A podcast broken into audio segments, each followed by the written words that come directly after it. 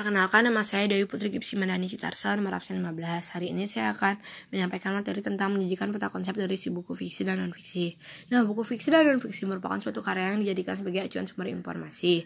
Perbedaan mendasar antara buku fiksi dan non-fiksi adalah pada penyajiannya.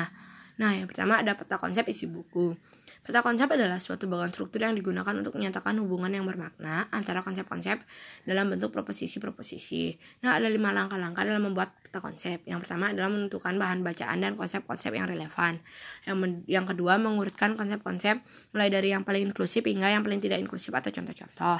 Yang ketiga, menyusun konsep-konsep di atas kertas mulai dengan konsep yang paling inklusif di puncak ke konsep yang paling tidak inklusif. Yang keempat adalah menghubungkan konsep yang berkaitan dengan garis-garis penghubung dan memberikan kata penghubung pada setiap garis penghubung tersebut. Dan yang kelima ada mengembangkan peta konsep tersebut, misalnya dengan menambahkan dua atau lebih konsep yang baru ke setiap konsep yang sudah ada dalam peta konsep tersebut. Nah, yang kedua ada teknik membaca untuk menemukan isi pokok buku. Nah, kegiatan membaca merupakan satu keterampilan yang di mana setiap orang ini memiliki kemampuan yang berbeda-beda. Nah, berikut teknik membaca yang perlu kita lakukan untuk meningkatkan kemampuan membaca secara cepat dan efektif dalam memahami isi bacaan. Yang pertama adalah skimming. Nah, di mana skimming merupakan membaca teks secara cepat dan menyeluruh untuk memperoleh gambaran umum, bagian penting dan menjegarkan ingatan akan hal yang pernah dibaca. Yang kedua ada scanning. Scanning merupakan proses membaca cepat dan teliti yang bertujuan untuk memperoleh fakta atau informasi tertentu. Misalnya kata-kata tertentu dalam kamus atau nomor telepon.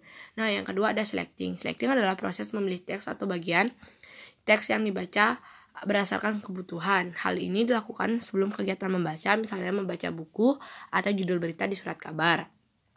Dan yang terakhir ada skipping. Nah, skipping merupakan proses kegiatan membaca yang mengabaikan atau melewati bagian yang tidak diperlukan atau bagian yang sudah dimengerti. Sekian yang dapat saya sampaikan. Mohon maaf jika ada kesalahan kata yang saya perbuat. Terima kasih.